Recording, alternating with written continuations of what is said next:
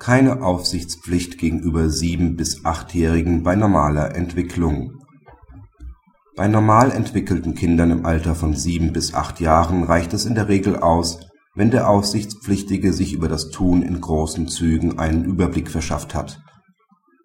Der sieben Jahre und sieben Monate alte M zerkratzte zusammen mit dem fünf Jahre alten P 17 PKWs auf dem Parkplatz vor einem Wohnkomplex zu dieser Wohnanlage gehörte auch der Spielplatz, auf dem M vor dem Schadensereignis gespielt hat. Das Amtsgericht hat M zum Schadensersatz verurteilt, die Klage gegen seine Eltern aber, wie auch in der Berufung das LG, abgewiesen. Die Revision des Klägers hatte keinen Erfolg. Der BGH hat zum Umfang der Aufsichtspflicht gegenüber Kindern gemäß § 832 Absatz 1 BGB Stellung genommen Entscheidend ist, wie verständige Eltern nach vernünftigen Anforderungen handeln müssen, um die Schädigung Dritter durch ihr Kind zu verhindern. Maßstab ist der konkrete Fall und nicht, ob der Erziehungsberechtigte allgemein seiner Aufsichtspflicht genügt hat. Bei Kindern im Alter zwischen sieben und acht Jahren ist weder eine Überwachung auf Schritt und Tritt noch eine regelmäßige Kontrolle in kurzen Abständen also circa 30 Minuten) erforderlich da M normal entwickelt war, reicht nach dem BgH die allgemeine Belehrung, keine fremden Sachen zu beschädigen, aus.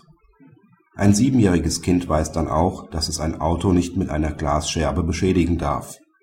Eine Verletzung der Aufsichtspflicht kann den Eltern in der konkreten Situation nicht angelastet werden. Die Klage war daher abzuweisen.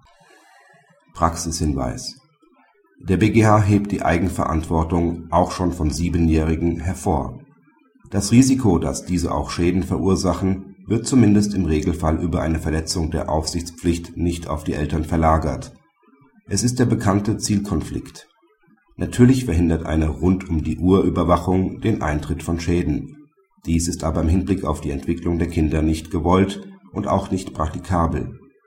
Der BgH weist zu Recht darauf hin, dass Kinder im Alter ab sieben Jahren in der Regel den Schulweg alleine zurücklegen Besondere Umstände in der Entwicklung des Kindes lagen nicht vor, deshalb war es für die Erfüllung der elterlichen Sorge ausreichend, dass M von den verklagten Eltern stets angehalten wurde, fremdes Eigentum zu achten.